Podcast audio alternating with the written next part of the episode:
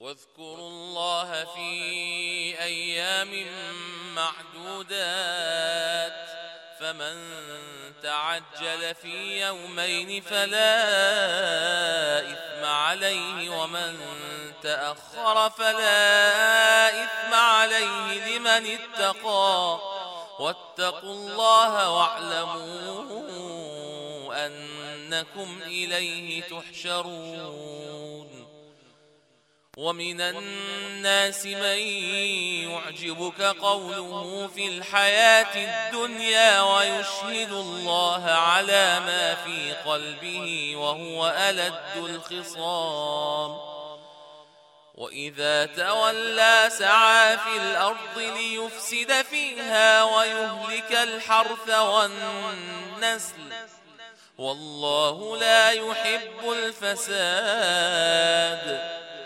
وإذا قيل له اتق الله أخذته العزة بالإثم فحسبه جهنم ولبئس المهاد ومن الناس من يشري نفسه ابتغاء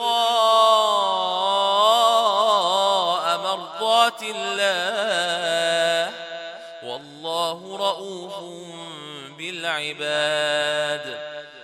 يا أيها الذين آمنوا ادخلوا في السلم كافة